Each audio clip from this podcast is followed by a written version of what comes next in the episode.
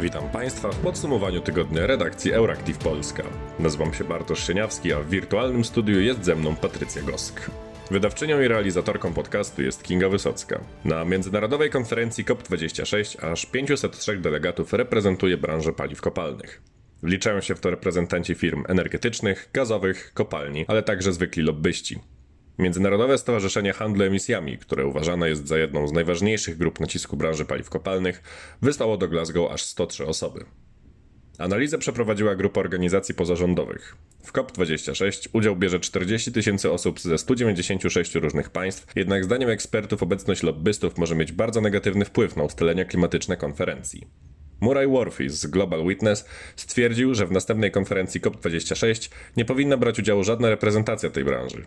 Przemysł paliw kopalnych przez dekadę zaprzeczał istnieniu kryzysu klimatycznego i opóźniał konkretne działania w tej sprawie. Dlatego teraz jest to tak duży problem. Ich wpływ jest jednym z głównych powodów, dla których przez 25 lat szczyty klimatyczne ONZ nie doprowadziły do rzeczywistego zmniejszenia globalnej emisji gazów cieplarnianych. Lobbystów klimatycznych na COP26 jest więcej niż delegatów jakiegokolwiek państwa. Brazylia, najliczniejsza krajowa reprezentacja, wysłała na konferencję 479 osób. Europejski raport dotyczący teorii spiskowych pokazał, że o ile większość ludzi w Europie interesuje się nauką i technologią, to niestety część z nas wierzy także i w dane z niesprawdzonych źródeł, które często okazują się być dezinformacją. Polacy słabo wypadli w badaniu, zajmując piąte ostatnie miejsce od końca.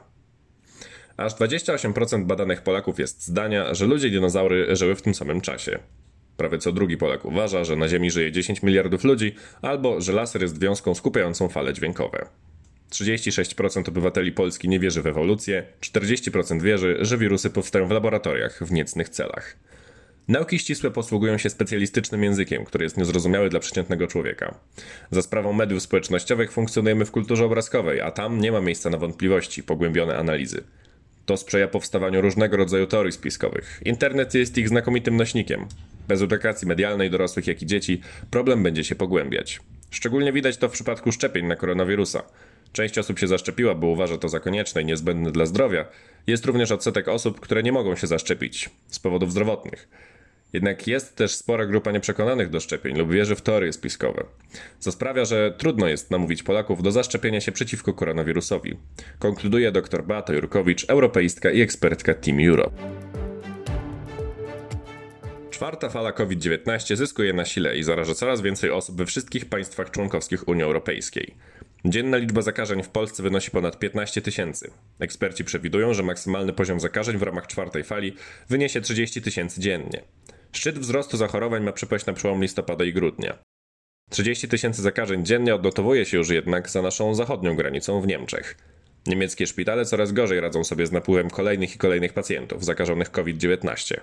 Tymczasem 25 listopada wygasa ogólnokrajowy stan epidemii, dzięki któremu niemieckie władze mogły wprowadzić w życie nowe i szczelniejsze obostrzenia. W związku z rosnącą liczbą zachorowań na koronawirusa, zastępca szefa niemieckiej Rady Etyki Julian Niederumelin opowiedział się za wprowadzeniem obowiązkowych szczepień dla niektórych grup społecznych.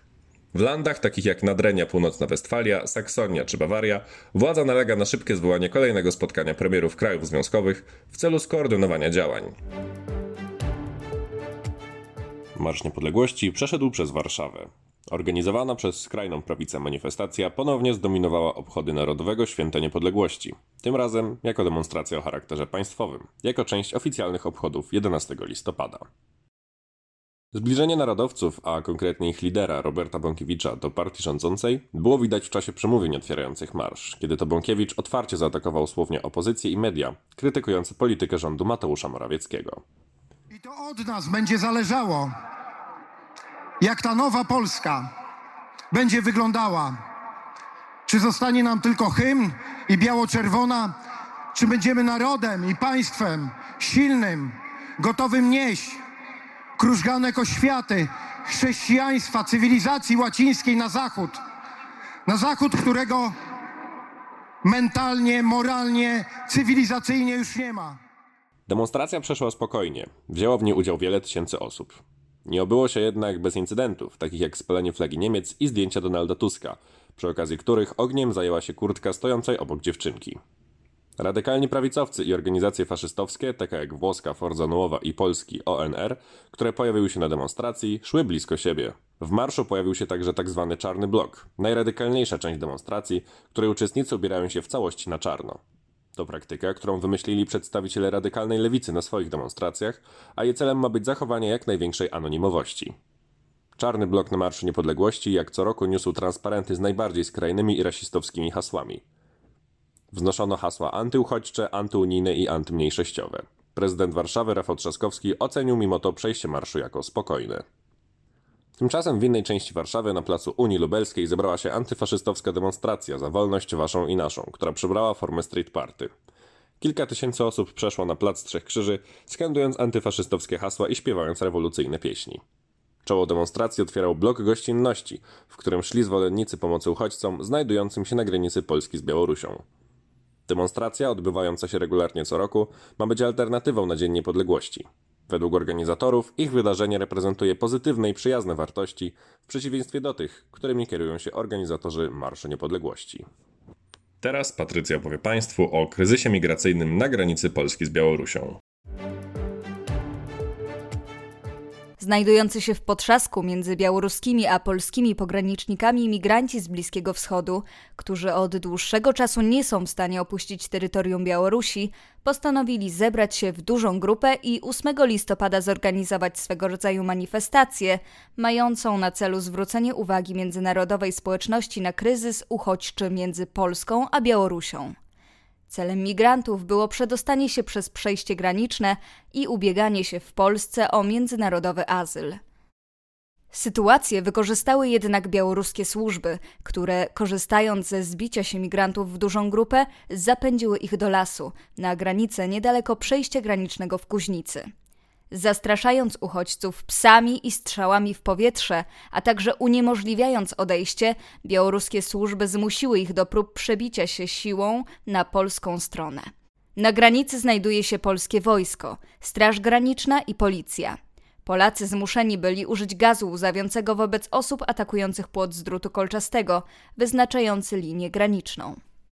Jeszcze tego samego dnia, w poniedziałek 8 listopada, tłumowi po stronie białoruskiej udało się obalić płot.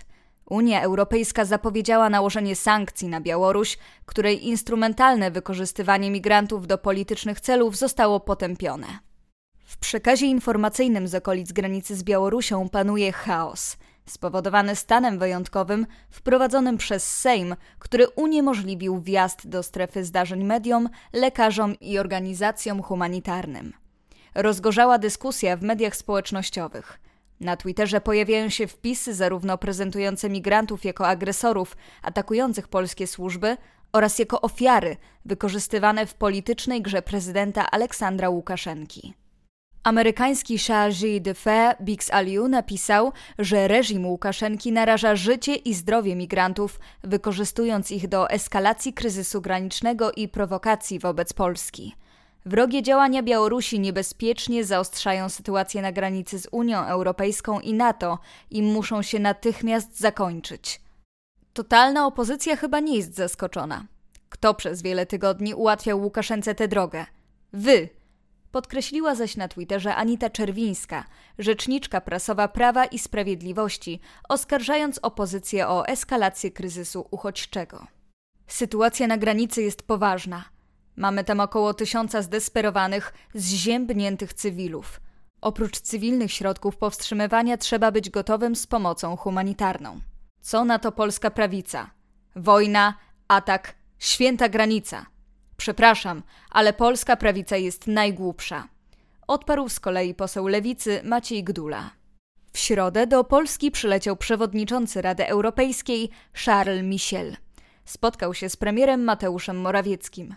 Było to częścią konsultacji prowadzonych przez Polskę z państwami członkowskimi i instytucjami Unii Europejskiej w kontekście zagrożenia hybrydowego ze strony Białorusi.